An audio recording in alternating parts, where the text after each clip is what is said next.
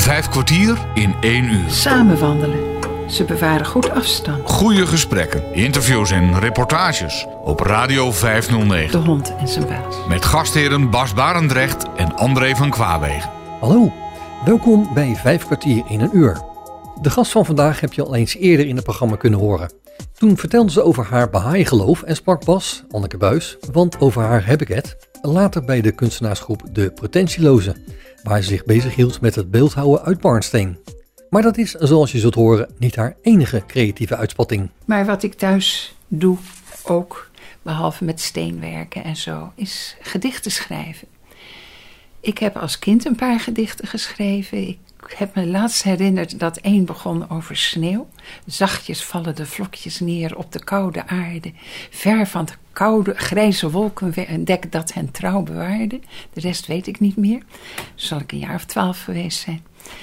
En uh, rond mijn zeventiende, achttiende heb ik een paar jaar wat gedichten geschreven. En dat zijn dan van die tienergedichten van lekker eenzaam en verliefd en dat soort dingen.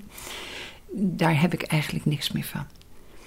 En toen in 1983 ben ik een tijdje overspannen geweest. En droomde ik een keer dat ik bij een vriendin was die aan het weven was. En ik pak een stuk papier en begin te schrijven en zeg: Dat is mijn manier. En ik werd wakker. Ik denk: Dat kon ik wel eens gaan doen. En toen ben ik voor de prullenbak gaan schrijven. Gewoon van naar buiten kijken, iets zien, daarover schrijven. En daar heb ik bijna niets van bewaard. Totdat het op gang kwam. En er dus gedichten kwamen waar, waar ik echt wel ja, wat mee kon uitgetikt hebben.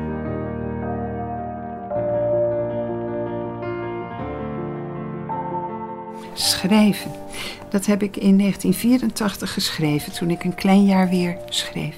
Schrijven is voor mij zo gewoon als dat een vis ademt in water. Dat een ander niet schrijft, betekent waarschijnlijk alleen maar dat voor hem water iets anders is.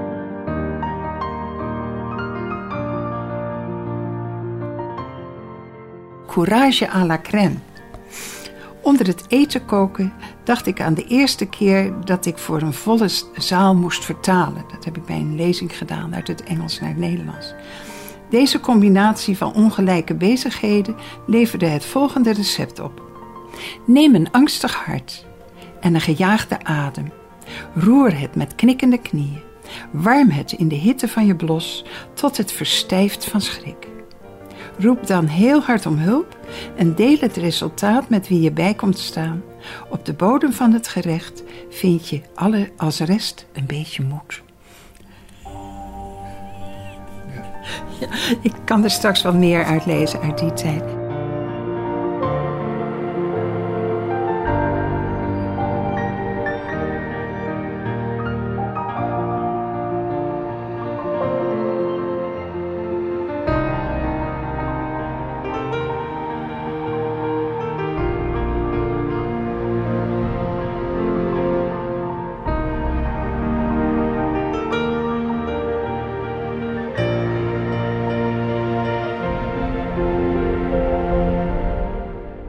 Toen uh, stuurde mijn zus me een, een, een, artikeltje ergens over een vereniging van amateurschrijvers. Eh, die een blaadje uitgaven, of een, een aardig tijdschrift, Lift.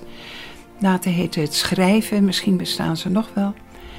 Dus daar ben ik abonnee van geworden. Daar heb ik ook af en toe, als zij een open dag hadden, ook wel naartoe gegaan. En dan kon je opgeven om ook wat te lezen. En ook wel in literaire cafés. De Puinruimer was een wijkcentrum in Den Haag. Daar ging ik dan op zondag naartoe om in de Puinruimer te lezen. Dat was, was ook heel leuk.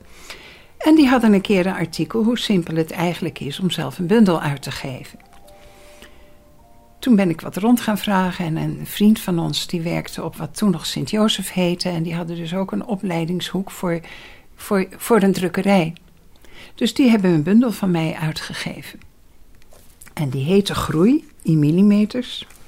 En een vriend van ons die uh, beeldend kunstenaar en tekenleraar was, die heeft mijn omslag uh, gemaakt. En uh, daar heb ik dus 100 exemplaren van laten doen. Later heb ik dat nog een keer zelf fotocopierend gedaan bij de copyshop. En, en met een mooie omslag weer. En ja, als ik dan ergens poëzie las, dan, uh, dan had ik een stapeltje mee. En die, die verkocht ik dan. Ik, ik, ik, denk nog geen tien gulden of zo. Dat was nog de gulden tijd. dat is echt een tijd terug. Maar in die bundel heb ik uh, eigenlijk een beetje rijp en groen. Wat natuurdingen. Uh, een paar gedichten over ons doodgeboren dochtertje. Wat in 73 geboren was.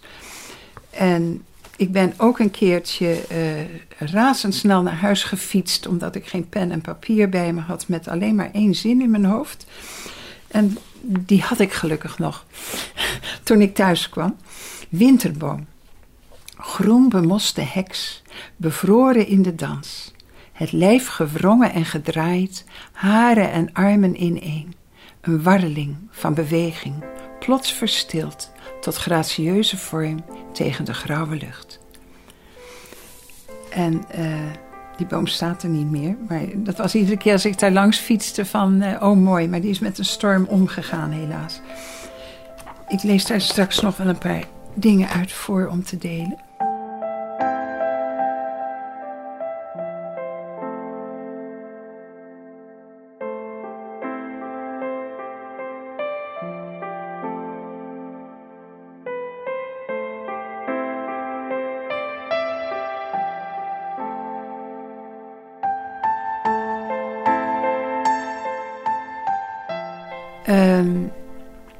Heb ik een periode gehad dat ik heel veel gedichten over mijn kinderjaren geschreven heb. En uh, bijvoorbeeld Tarzan in de kerk. En dat ik dus, als we in de kerk zaten, was zo'n hoog gebouw, dat ik dan een beetje omhoog keek en dan dacht dat ik als Tarzan van de ene lamp naar de andere ding uh, zwaaide. Terwijl ik vreselijk hoogtevrees had en zoiets nooit had durven doen. Maar in je gedachten durf en kan je van alles. En dat was best wel, wel leuk. Tarzan in de kerk. Zomers was er geen kinderkerk en gingen we s'morgens mee naar de grote. Het gebouw was hoog en ruim, met glas in vele kleuren, betimmering van donker hout en in de nok een lange lampenrij achter witte tralies. Ik keek er naar omhoog, stelde me voor hoe ik daarboven rondzwaaide van balkon naar orgel, zijbeuk naar raam, me onbezorgd weer opzwaaiend terug naar het balkon. Hoewel ik hem nooit had gezien, deed ik in gedachten Tarzan na, tot het einde van de preek, zonder greintje last van hoogtevrees, die anders toch mij hinderde als ik, als ik hoger kwam dan innerlijke grenzen hadden toegestaan.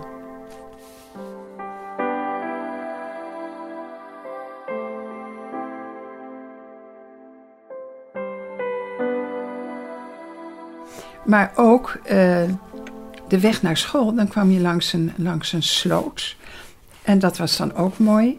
En aan het eind van onze tuin, onze straat, uh, er was ook een sloot. En daar ving ik van alles. Ik had van mijn moeder een oude zeef en dan had je shampootjes mee. En dus daar heb ik echt van alles gevangen en dan na een tijdje wel weer uh, teruggegooid. Of, of inderdaad een tijdje in, in een wekfles, dan hadden ze iets meer ruimte. De sloot.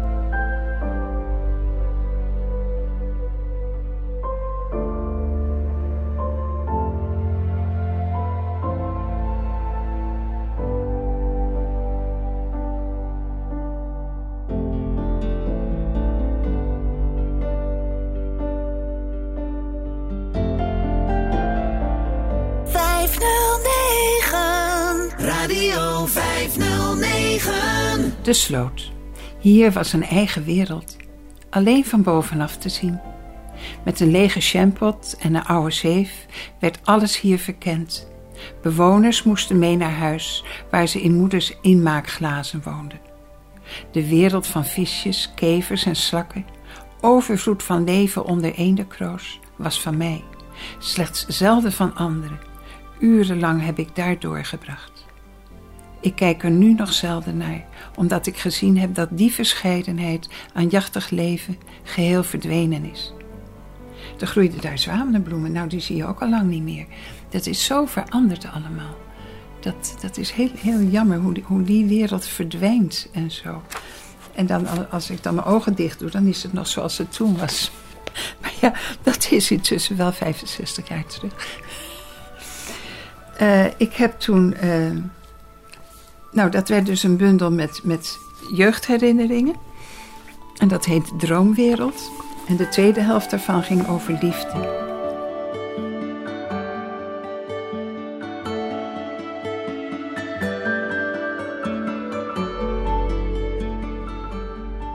Beurtzang.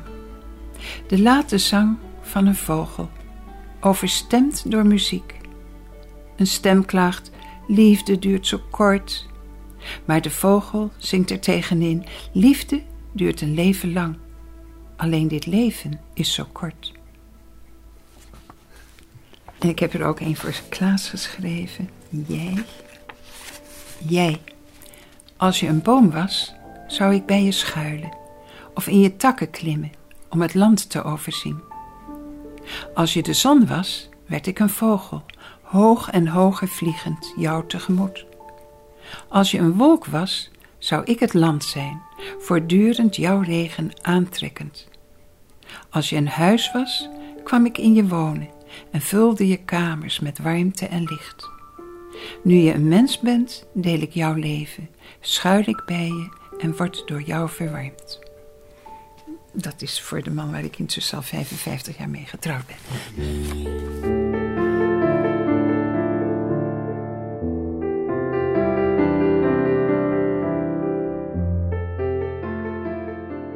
Toen werd het 1984 en dat was een zwaar jaar. Dat was het jaar waarin mijn broer aankondigde dat hij zijn leven ging beëindigen. En dat ook gedaan heeft. En uh, dat heeft een heel verhaal eromheen en dat is privé, dat hoeft de hele wereld niet te weten. Mijn broer was toen 43. En er gebeurde meer dat jaar. Iemand verongelukte, iemand van mijn werk overleed plotseling. Iemand, een gezin waar ik werkte overleed een man opeens. Dus ik had opeens een heleboel verdrietige gedichten bij elkaar. En daar heb ik een bundel van gemaakt die Breuklijnen heet. En ook daar heb ik weer uh, van diezelfde vriend een omslag om. En die maakte er een soort bergland van met een breuklijn door de titel heen. En uh, deze heb ik over mijn broer geschreven. Ik lees, jij staat tussen de regels. Ik schrijf, jij vloeit uit mijn pen. In de spiegel zie ik jou naast me. In elke gedachte ben je bij mij. Wanneer zal ik vergeten dat jij hier geweest bent en zomaar weer wegging? Wanneer zal ik aan je denken zonder dat het einde in herinnering komt? Broer, dat kan niet, het blijft verweven. Het een zit aan het ander vast. Vraagt iemand ooit naar mijn familie? Ik zeg, we waren vroeger drie zusters en een broer. Het was volstrekt geen domme jongen. Nog helemaal geen chagrijn. Al vond hij elke loonsverhoging nog altijd een paar maten te klein. Het was gewoon een prima kerel. Voor hem was iedereen gelijk. Al vond hij wel dat echte Duitsers onmiddellijk een plaats verdienden in het hemel. dat zou ik rustig kunnen zeggen. Maar niet straks, niet straks, niet boven het graf. Dat zou ik rustig mogen zeggen.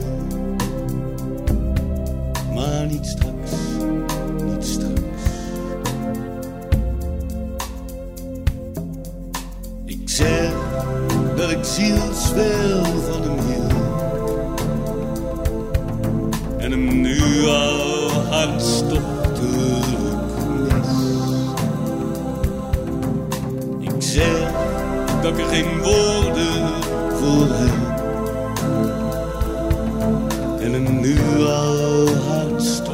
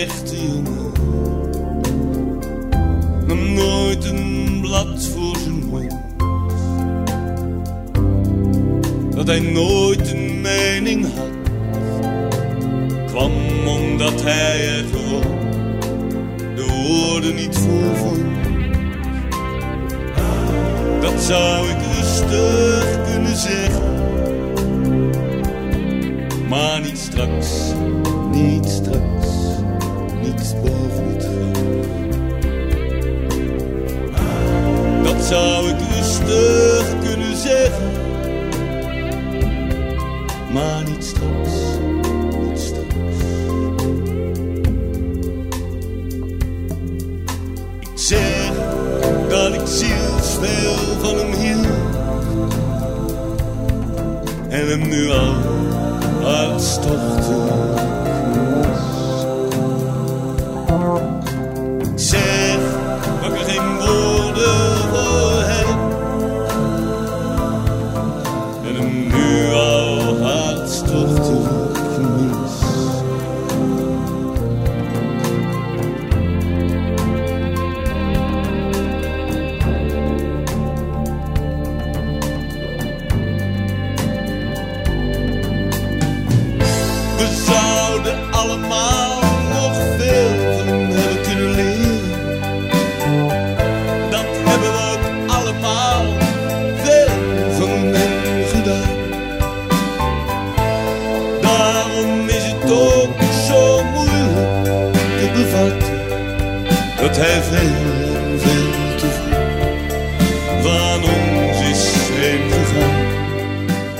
Vandaag spreekt Bas Barendrecht met dichteres Anneke Buis.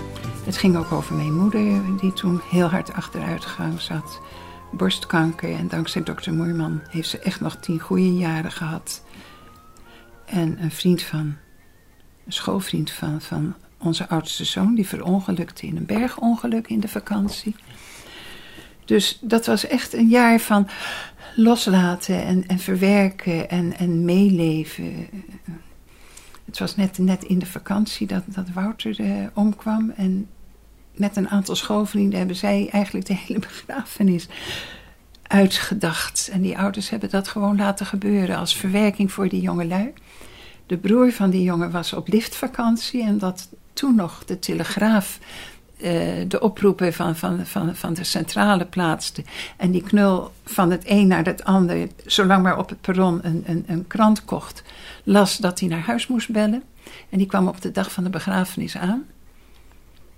Dat eh, een vriend heeft gereden en vader heeft eh, met die jongen in zijn armen achter in de auto gezeten om dat te verwerken voordat de begrafenis was.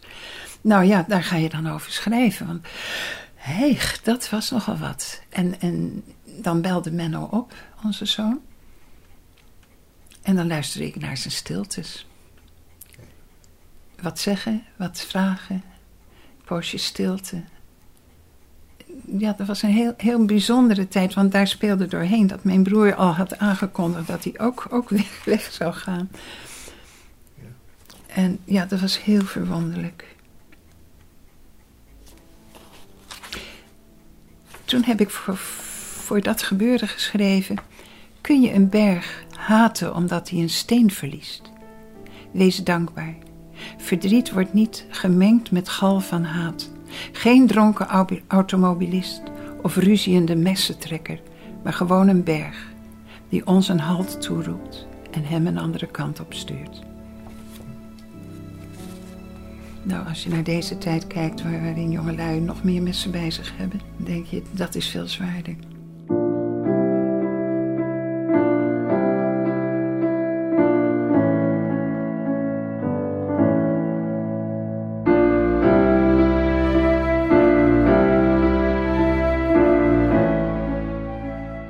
Ik ben in die tijd lid geweest van Vrienden van het Schrijven. En dat gaf ook een tijdschrift uit, Gist. En dus daar las ik dan ook. Daar, had je vaak een onderwerp en daar schreef je over. En dan kwamen we na een maand weer bij elkaar. En uh, dat heb ik een paar jaar gedaan. Moest ik voor naar Almelo. Kon ik meestal meerijden met iemand die in Apeldoorn woonde. Ik heb twee of drie jaar meegedaan voor het Literair Café Apeldoorn. Met Sjaak Ringel. Als je die naam noemt aan Apeldoorners, weet iedereen wie je bedoelt. Eh, die schreef uh, heel precieze sonnetten en andere dingen. Die, die, die plaatste die dan in, in, het, uh, in de stedendriehoek. Hij is inmiddels overleden. Maar daar heb ik ook een paar jaar aan meegeholpen om dat te organiseren. En ja, verder inderdaad, dan hier lezen, dan daar lezen. En, en ook, ook mensen uitnodigen. Gaan corresponderen met mensen die ook gedichten schreven en, en uitwisselen. Ik was ook abonnee van Het Kofschip. Dat was een blad uit België, uit Vlaanderen. En die hadden één keer per jaar een bundel waar ze van iedereen die wat instuurde een, plaatste. Dus dat was echt een beetje rijp en groen, terwijl de redactie verder redelijk uh, precies was. En daar leerde ik een Belgische dichter kennen, Bert Deben. Die was iets van 16 jaar jonger dan ik. Dus in het begin was ik nog uh, nou, zo ongeveer mevrouw. Ik zei, nou, doe dan maar alsof ik je tante ben. En een half jaar later schreef hij, we zijn in verwachting. En uh, ik zeg, als die baby er is, dan voel jij dat verschil niet meer. Want dan heb jij ook kinderen, net als ik dan, dan is dat verschil van 16 jaar weg. Want mijn kinderen zijn al groot, maar jij hebt dan ook een kind. En dat, dat heeft inderdaad zo gewerkt.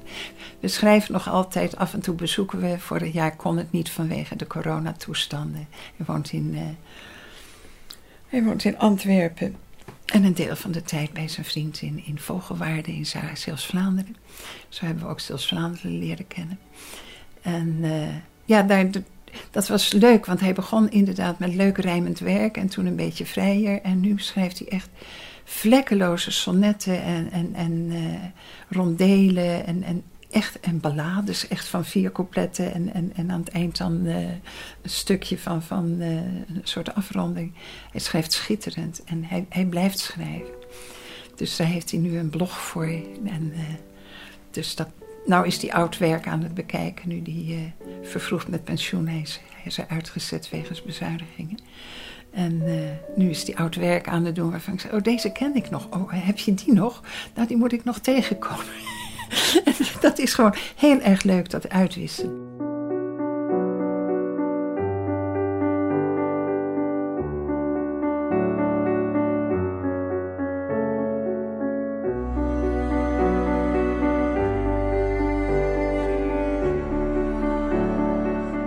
Vijf kwartier in één uur. Op een gegeven ogenblik uh, ben ik lid geworden van de haiku-kring. Die in Vaassen bijeenkwam. In het uh, poortgebouw of het koetshuis van, van, van de, de Kannenburg. En uh, dat is een beetje tot corona geweest. Toen zijn we een paar keer nog ergens anders in Apeldoorn bij elkaar gegaan. En nu staat dat stil, maar ik heb ook gezegd, ik stop ermee. Het werd me wat te veel elke maand elke zes weken weer een, een, een halve dag weg. Haiku is dus een, een Japanse dichtvorm die werkt met een heel kort gedicht van vijf, zeven, vijf lettergrepen. En uh, dat lukt niet altijd, maar soms komt het gewoon maar zo. En toen kwam dus opeens uh, het corona gebeuren en heb ik zomaar van alles geschreven. Samen wandelen. Ze bewaren goed afstand, de hond en zijn baas. En ja, je moet dus heel kort, mensen moeten het erin zien en nou ja, enzovoorts. Soms ben je ook heel erg aan het schuiven en doen totdat je het bij elkaar hebt. Uh, deze heb ik een keer in de herfst geschreven. Ramen rammelend kondigt hij zich gierend aan. De eerste herfststorm. En deze. De premier legt uit. Gebarentaal verduidelijkt alle uitspraken. En we waren op vakantie.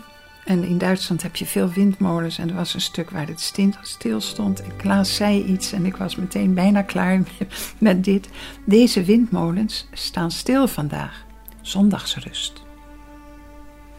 Dat zijn dus geen vijf lettergrepen aan het eind, maar dat kan wel af en toe zo gebeuren.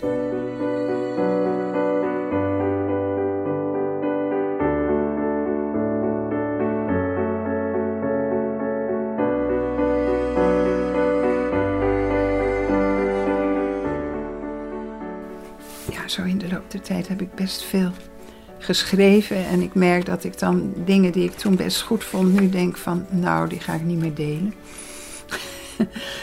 Kilo's aalbessen.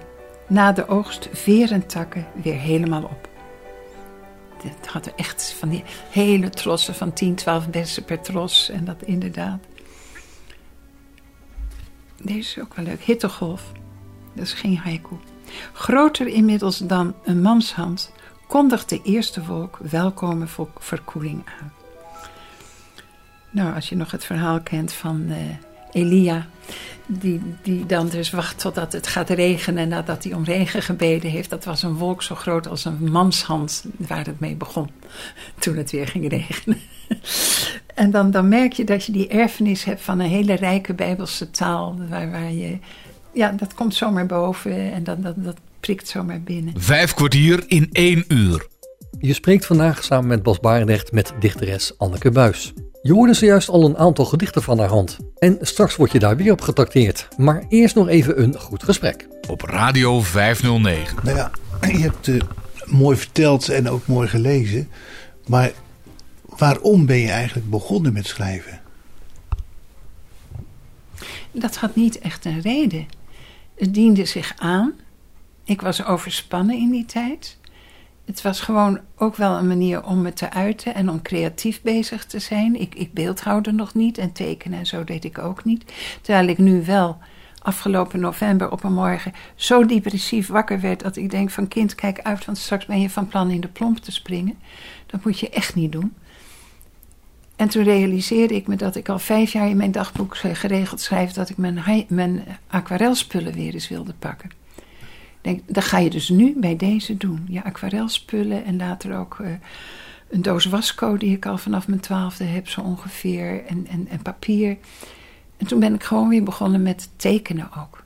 Want een, een beeld schiet vaak niet op. En als je niet naar, naar, naar, de, naar het kunstlokaal kunt, dan komt er ook vaak niet zo van. Ook al had ik het bij de hand. Dus ik ben allerlei tekeningen weer.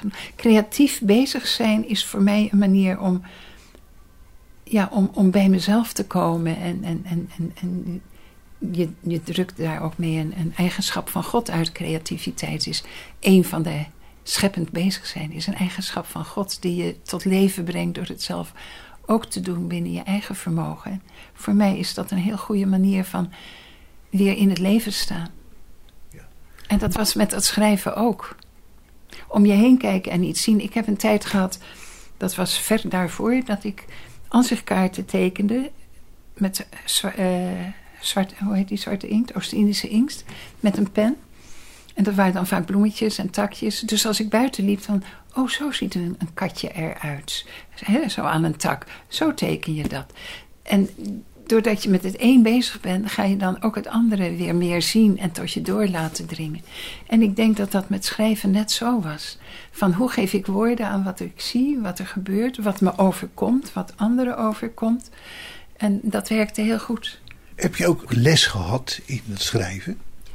Nee, eigenlijk niet. Maar uh, poëzie. Uh, bij ons thuis lagen wel wat bundels. Mijn moeder had een bundel kleingedichtjes van, van Guido Gezelle bijvoorbeeld. Uh, op school, ik denk al in de zesde klas, maar zeker op de MULO had je schrijfles. En dan werd, was het, ja, in de vijfde klas lagere school waren het wandelliedjes. Want toen hadden we een leraar waar je ook, die ook uh, avondvierdaagse uh, organiseerde dat je meeliep als klas. Maar die, die heeft ons al, allemaal van die wandelliedjes ge, ge, geleerd bij de schrijfles. Maar in, op, op, de MULO waren dat gewoon uh, gedichten om op te schrijven. Met mijn handschrift waar ik een vier voor kreeg, want zo mooi schrijf ik niet. Maar ik heb daardoor wel smaak voor poëzie gekregen. En onze krant, het Leids Dagblad, die heeft in de zaterdageditie heel lang een bladzij voor tieners gehad... waar je ook gedichten en zo in kwijt kon. Ik heb ook op mijn veertiende keer een verhaal geschreven en naar een of andere wedstrijd gestuurd en daar 50 gulden mee gewonnen. Dat was een kapitaal als je 14 bent in die tijd. Jawel. En uh, dus dat werd ook aangemoedigd. Er was bij ons ook altijd wel uh, een kladblok en kleurpotloden en zwart-wit potloden tekenen werd werd, werd aangemoedigd. Creatief bezig zijn werd aangemoedigd. Mijn moeder hield van borduren en deed dat soort dingen ook. Dus creatief bezig zijn was bij ons thuis heel gewoon. Dus ja, dan pak je dat ook makkelijker op, denk ik.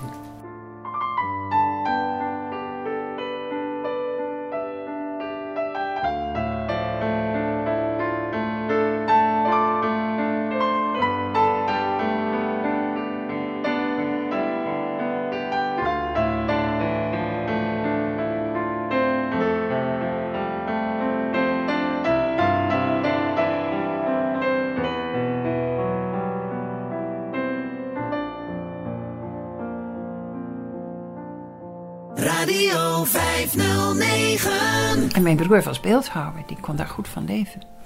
Van het beeldhouden. Van de beeldhouwer, ja. Had hij ook les gehad? Of niet? Had hij ook Die is zijn eigen talent? kunstacademie geweest in, eh, in Den Bosch. Toen was hij al 23. Toen kreeg mijn vader een brief om toestemming te geven dat mijn broer zwemles zou krijgen. Hij zei, nou vraag hem dat zelf maar. Die hadden niet naar de leeftijd van, van mijn broer gekeken. ja, dat soort dingen.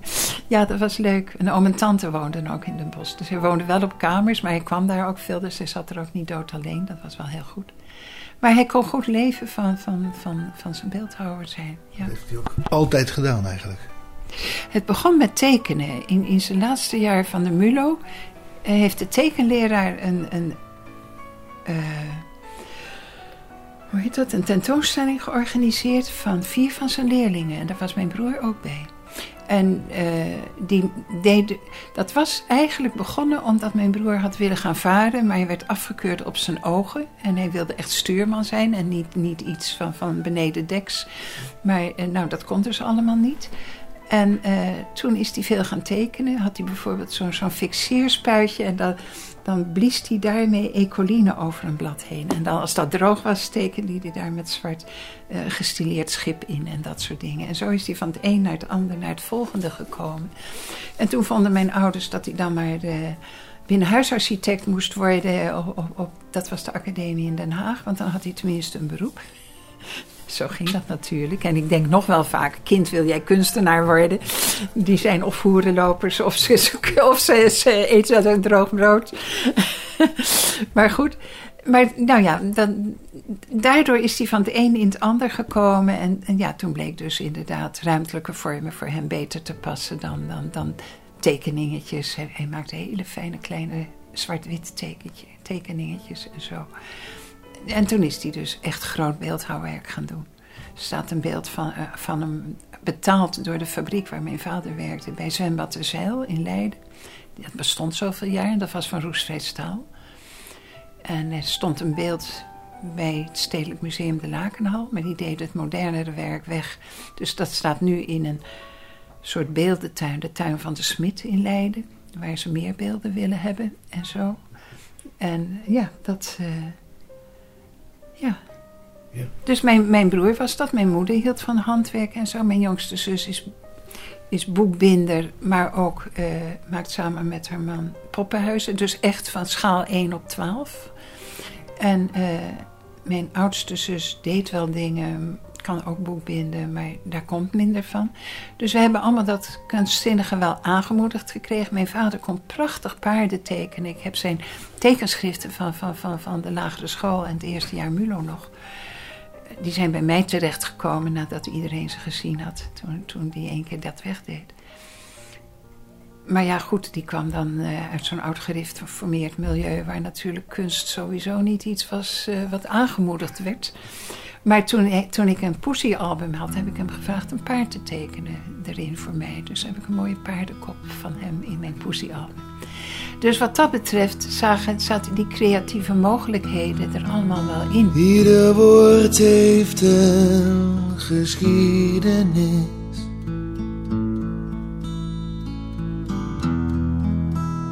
En ieder woord heeft een gevoel. Er is geen enkel woord zonder betekenis. Maar ik begrijp niet meer wat er wordt bedoeld.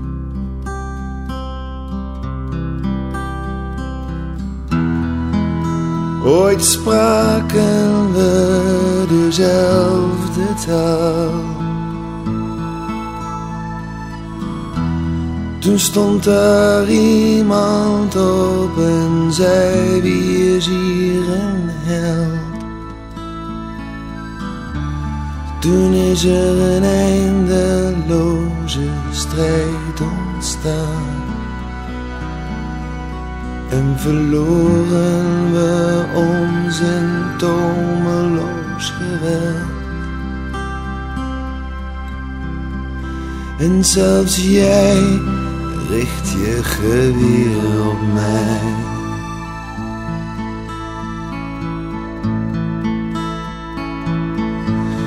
Als iemand beveelt, het is hem of jij.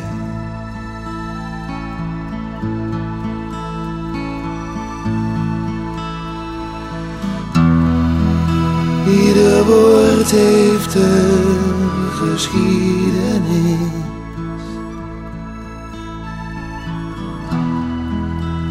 Aan ieder woord kleeft een gevoel.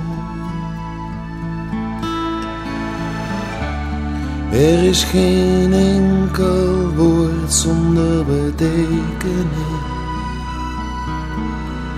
Maar ik begrijp niet meer wat je bedoelt.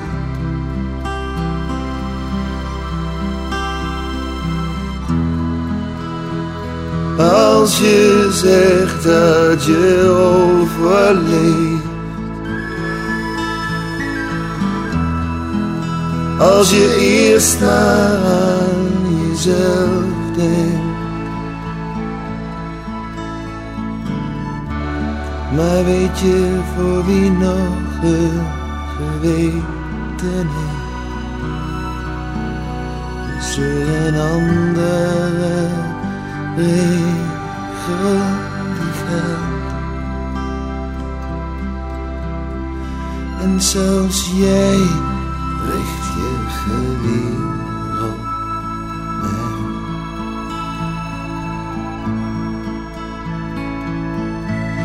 Als je meerdere beveelt,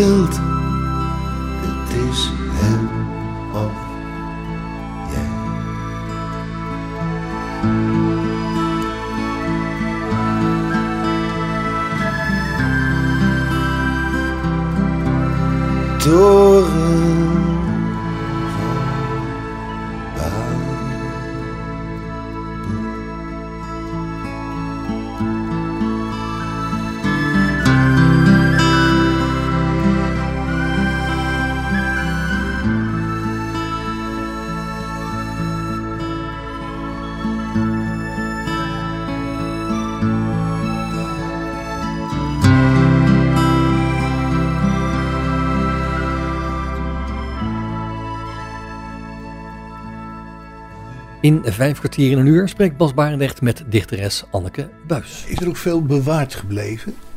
Van mijn vader? Ja, en van je... Van mijn broer. Toen mijn broer overleden was, toen zijn we een stichting begonnen. Mijn jongste zus en ik. En zijn stiefzoon. En, eh, en een vriend.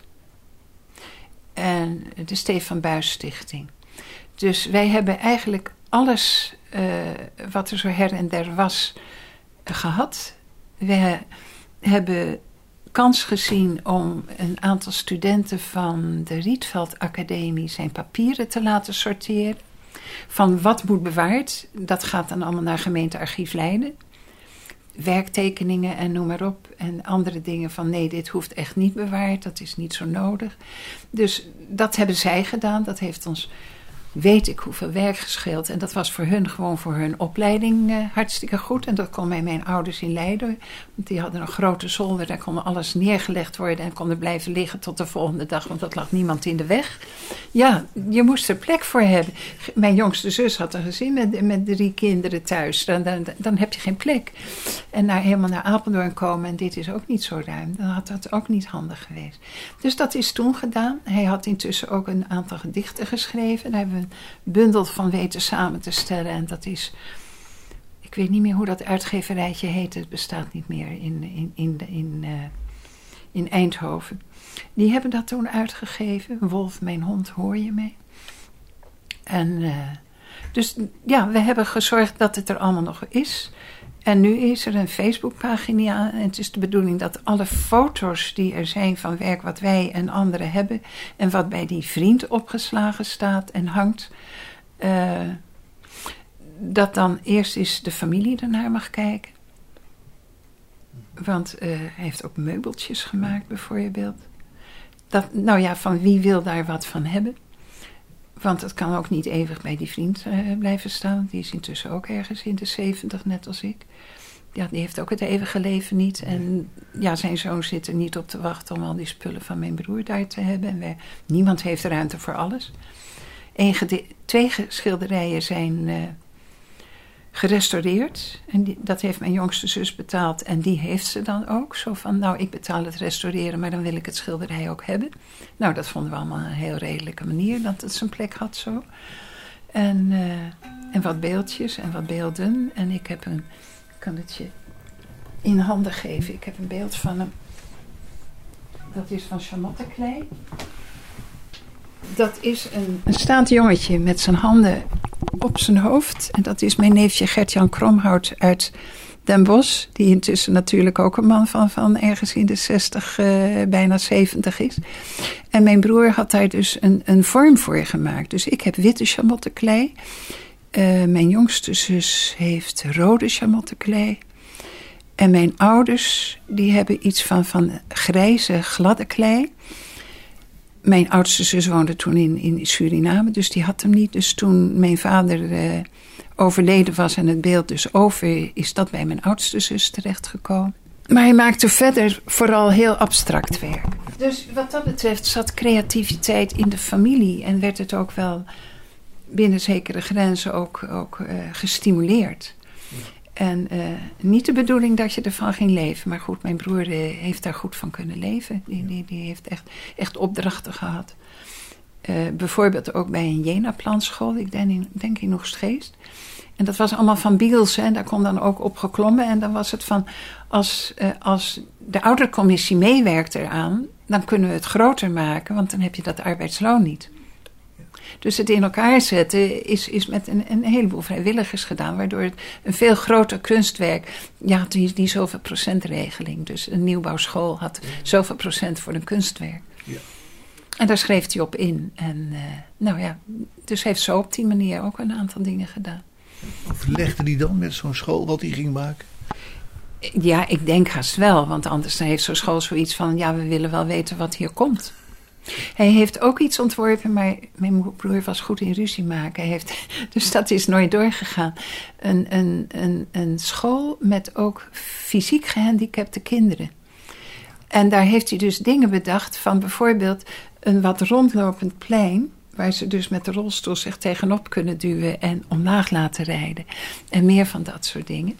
Zodat er dus ook, ook voor iemand in een rolstoel iets leuks aan was. Ja. En eh, het klonk hartstikke leuk, maar goed, dat is nooit doorgegaan. En daar heeft hij ruzie over gemaakt. Hij heeft, hij heeft ruzie gekregen, ja. En eh, hij kon heel erg strikt zijn. En eh, als het zo was, was het zo en niet anders. Ja, nou ja, dat, gaat, dat werkt natuurlijk niet altijd. Maar hij kon er heel goed van leven. En daarnaast werkte hij, ik denk twee dagen in de week op de Jelgersma-kliniek in Oegstgeest. Want hij woonde ook in Oegstgeest. eh, als creatief therapeut. Niet dat hij daar een opleiding voor had, maar gewoon die mensen creatief bezig krijgen. Zodat hij zegt, ja, als ik een keertje een half jaar niet kan werken... dan heb je in elk geval eh, je huur en je, je verzekeringen en noem maar op. Dat je niet inteert. En dan had hij gewoon een betaald beroep op die manier. Dus ja, zo ging dat.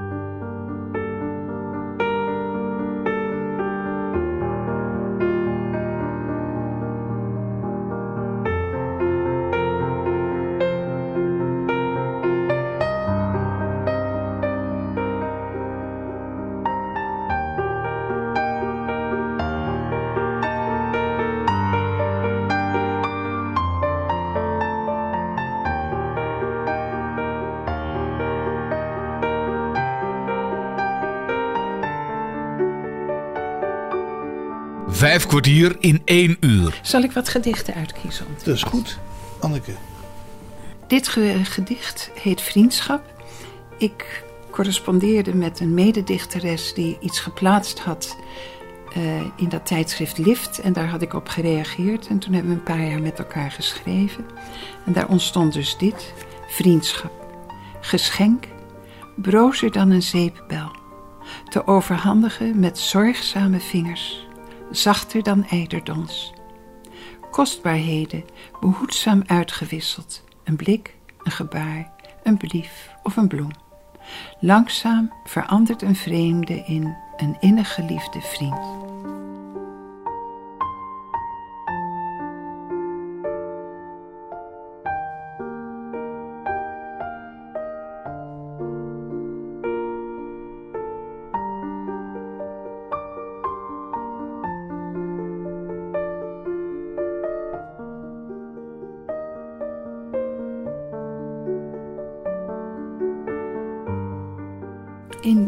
Tijd dat ik bezig was met gedichten over de oorlog, daar wil ik eigenlijk een andere uitzending met jou een keer doen tegen, tegen dat het 4 mei wordt. Eh, mijn familie in de oorlog. Dat eh, riep erg veel in me op, dat deed ook pijn. En toen scheen de zon op zo'n rond kristal, zo'n zo, zo, zo'n Swarovski-kristal, en dat wierp allemaal regenboogjes. En dat bracht mij de herinnering aan zeepbellen blazen. Mijn moeder maakte een bakje zeepsop als ze toch aan het wassen was. En dan zat ik met, een, met zo'n stenen pijpje op het grind buiten bellen te blazen. Dat heb ik opgestuurd naar een wedstrijd. Ik denk ook van het kofschip. En daar heb ik een, nee, niet naar het kopschip, maar naar een plaats in België. En daar heb ik toen de eerste prijs mee gewonnen. Zeepbellen. Water en zeep. Stille zomerdag. Een kleine stenen pijp. Kind dat bellen blaast, zwevend door de tuin. Een foto lijkt het, diep van binnen. Beeld van verzonken rust. De wereld gespiegeld in een bel. Kleuren lopen zacht ineen, hemelglans overal, terwijl de ziel meewaait omhoog, hoger dan de bellen zijn te zien, zwevend uit de werkelijkheid. Ja, dat was echt een geschenk. Dat kwam zomaar vanzelf. Dan, ik had het vaker en nog wel. Dat er een eerste regel komt en als je die nou opschrijft, dan komt de rest erachteraan alsof die als een slang opgerold ligt daarachter. En als je die eerste zin maar houdt, dan komt die. Ben je die eerste zin kwijt, komt er niets. Er is een Amerikaanse dichter, een Afro-Amerikaanse dichter, inmiddels al lang overleden, Langston Hughes. En die zei: Gedichten zijn als regenbogen. Ze ontsnappen je heel gauw. Ja. En dat is hiermee ook van. Als het komt, moet je niet zeggen straks, je moet het nu opschrijven, je moet nu beginnen, anders ben je hem kwijt.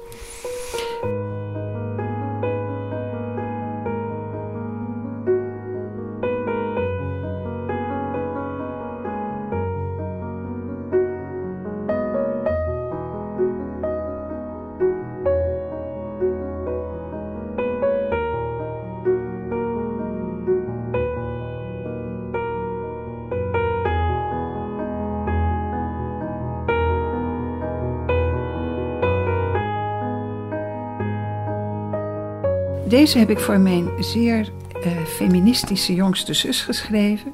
Uh, vraag. Wie ben je? Oh, ik ben de dochter van. Goed, maar wie ben je?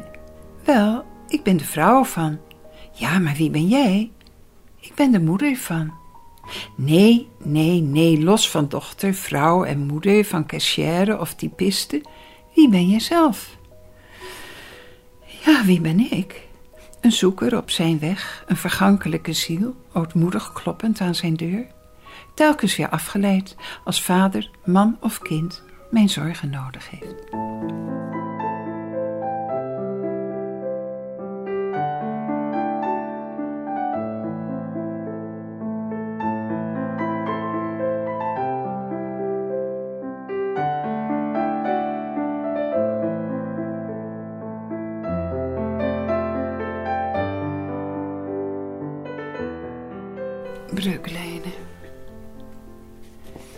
Gelijkenis. Sommige tranen kun je beter niet storten. Ze zouden de hele wereld verdrinken in een nieuwe zondvloed. Waar konden we dan heen vluchten zonder Noachs ark? Dus houd die tranen tegen en voel hoe binnenin je Jona's vis in telkens grote kringen zwemt, op zoek naar een strand waar hij jouw misère uit kan spugen.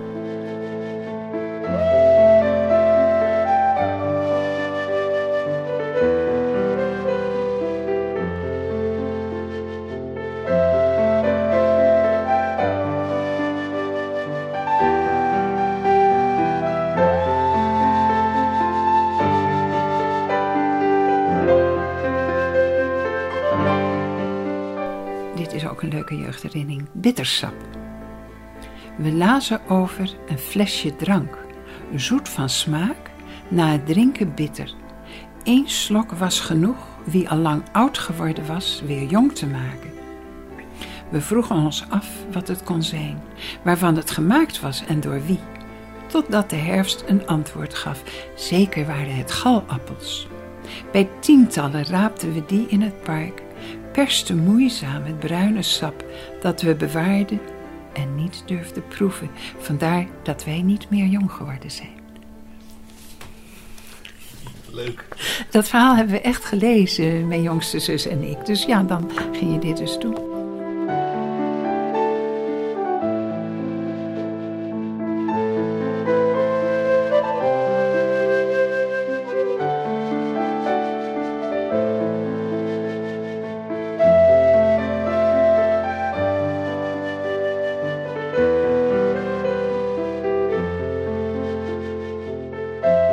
Onder water. Een breekroze land met lichtblauwe wegen, kroezige bomen, wit en grijs, ontrolt zich voor me in stil, helder water. Op een lichte beweging stijgen luchtbellen vrolijk omhoog en drijven weg, werpen schaduwen op het land eronder als van wolkjes in luchtig spel. De bomen wuiven in het golven van het water, koraalachtig landschap, diep benee, met golvende heuvels, een brede vlakte, slechts onderbroken door een navelkuil. Alle kleuren verflauwd door de weerkaatsing van het witte bad rondom. En dat was een van de gedichten van de gast van vandaag, Anneke Buis. Voor nu bedank ik je namens Bas Barendrecht voor het luisteren. Heb je overigens nog vragen of opmerkingen of wil je zelf wel eens aan het woord komen? Dan kan je een mailtje sturen naar bas.radio509.nl Geniet van de rest van deze dag, blijf luisteren naar Radio 509 en tot een volgende keer. Vijf kwartier in één uur is een programma van Bas Barendrecht. Techniek André van Kwaabegen.